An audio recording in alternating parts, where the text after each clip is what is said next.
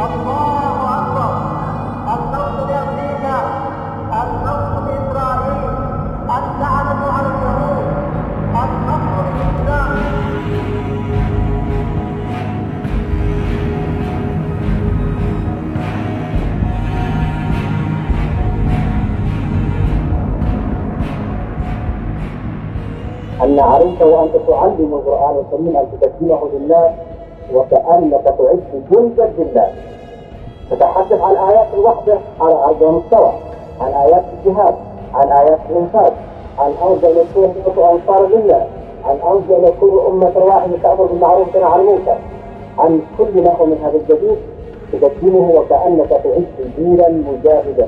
هذا هو منطق القرآن لا تحاول أن تعكس نفسيتك وهزيمتك النفسية على طلابك وعلى القرآن الكريم فتقدمه هزيلا أيضا أنت كطالب علم عندما تقرأ القرآن الكريم. لا تدخل القرآن بنفسيتك المحسوبة تدخل القرآن بعد أن تكون قد نذرت حياتك لله ونذرت موتك لله. وجعلت من نفسك جلدية بالله التزام بقول الله سبحانه وتعالى. يا أيها الذين آمنوا كونوا أنصارا لله فقرأ القرآن حينئذ وتأمله لتعرف كيف تؤهل نفسك كجندي من جنود الله.